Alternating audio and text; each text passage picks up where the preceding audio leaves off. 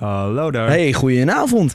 Ehm, ja, goed. Je, jij bent dus de, eh, vanuit de Haarlemse Pop Scene on Tour eh, inmiddels eh, bij ons in de studio te gast. Yes, yes, yes. Ehm, eh, nou ja, goed. Eh, ehm, hoe ben je daarbij gekomen eigenlijk? Ah, dat is wel een leuk verhaal. Ik was, toen ik begon, een uh, half jaar geleden, een paar, zoiets ongeveer. Toen liep ik bij een bar naar binnen en ik zei, ik wil hier een paar keer spelen. En eh, de bar-eigenaar, super aardig, van Pinoir, die zei van, nou ja, dat is helemaal oké. Kom maar op vrijdag terug, er is er een jam sessie. En na daar een paar keer hebben gespeeld, toen zei ze van, nou, je zou je echt moeten opgeven voor de Haarlemse Pop on Tour. En ik had geen idee wat het was. Dus ik ging erop zoeken en het eh, zag er wel cool, eh, zag er wel leuk uit. En toen heb ik me opgegeven. Nou, top. Dus je bent echt pas net begonnen eigenlijk. Met optreden wel, ja. Oh, met optreden wel. Sinds de zomervakantie. Oké. En, eh, want hoe lang speel je al gitaar dan? Gitaar nu ongeveer een jaar of zoiets, anderhalf jaar. En eh, want je maakt ook nog muziek met andere dingen. Deed Ja. je dat daarvoor al? Of eh, is dat ook eh, nog maar net begonnen? Ja, dus ik ben dus vanaf mijn zesde volgens mij begonnen met piano spelen. Ik speel al mijn hele leven piano. Ja. En toen ben ik anderhalf jaar geleden, een jaar geleden ongeveer, begonnen met gitaar spelen en met zingen erbij.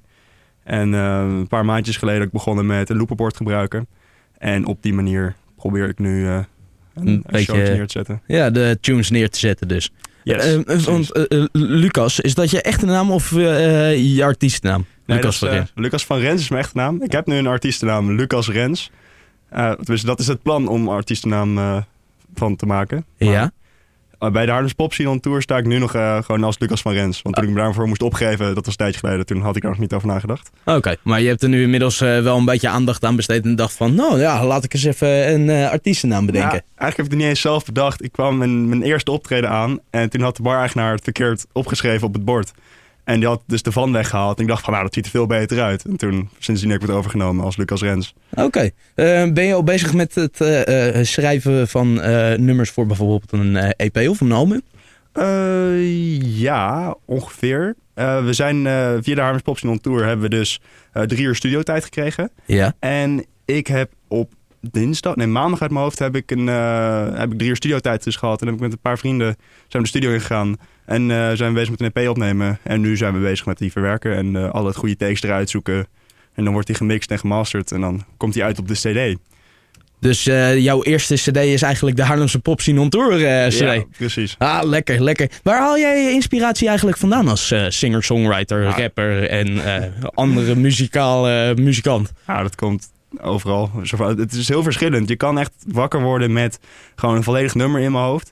Dus, en dan moet je dat gaan uitwerken. En de andere keer dan heb je niks. En dan ga je maar achter de piano zitten of achter de gitaar. Dan speel je wat. En dan opeens komt er een melodietje of, een, eh, of wat tekst of zoiets eh, in je op. Ik, ik- begin een beetje patronen te herkennen, want Raoul Michel die zei dat net ook al in het te- het telefoongesprek. Dus dat, het lijkt voor iedere artiest hetzelfde. Mm. Denk je dat het zo is? Of?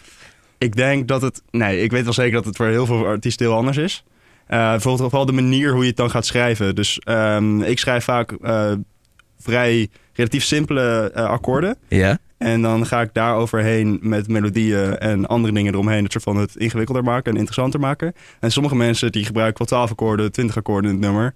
En die gaan daar helemaal los op. En die denken ook me- veel meer na over bijvoorbeeld teksten en zo. Oké. En, daar, en de manier bijvoorbeeld of je eerst je tekst doet of dat je eerst akkoord doet, eerst de melodie. En daar kan je heel erg in kiezen en daar verschilt het wel erg in. Oké.